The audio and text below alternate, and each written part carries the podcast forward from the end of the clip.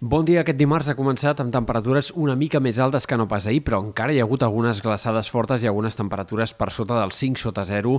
tant al Pirineu com en algunes fondalades interiors. Aquest migdia cal esperar màximes lleugerament més altes que no pas ahir en general, tot i que pugui baixar una mica la temperatura en alguns sectors del nord-est, sobretot al voltant de l'Empordà. Aquest dimarts serà un dia bàsicament assolellat, tot i que encara persistiran els núvols en sectors del País Valencià especialment, on aquestes últimes hores fins i tot hi ha hagut algunes pluges força destacables. De cara als dies vinents, el sol ha de seguir sent protagonista, aniran minvant aquests núvols al País Valencià i no cal esperar canvis pel que fa a l'estat del cel en el que ens queda d'aquesta setmana.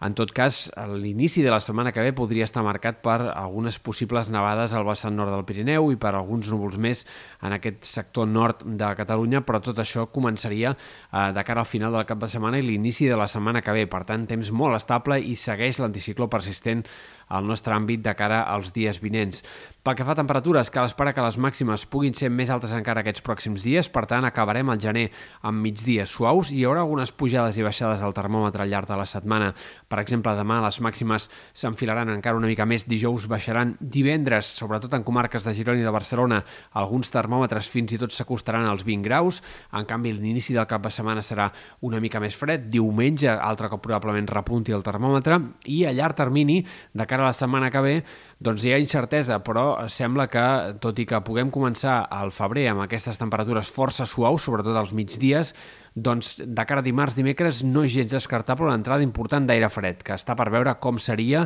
si seria gaire llarga, més aviat sembla que no, sembla que seria un canvi sobtat a la baixa que podria quedar compensat ràpidament per una nova pujada, però encara és incert tot això i caldrà anar-ho concretant de cara als pròxims dies. Un altre factor a tenir en compte de la segona part de la setmana sigui segurament l'entrada de la tramuntana altre cop. A partir de divendres el vent de nord es tornarà a deixar sentir, probablement el cap de setmana no sigui especialment fort, però sí que a l'inici de la setmana que ve el fet que s'enforteixi l'anticicló a l'oest d'Europa i que es formi una pertorbació cap al mar Egeu podria crear un passadís de vents de nord que pugui ser fort i que pugui marcar una situació de tramuntana intensa a partir de dilluns que ve.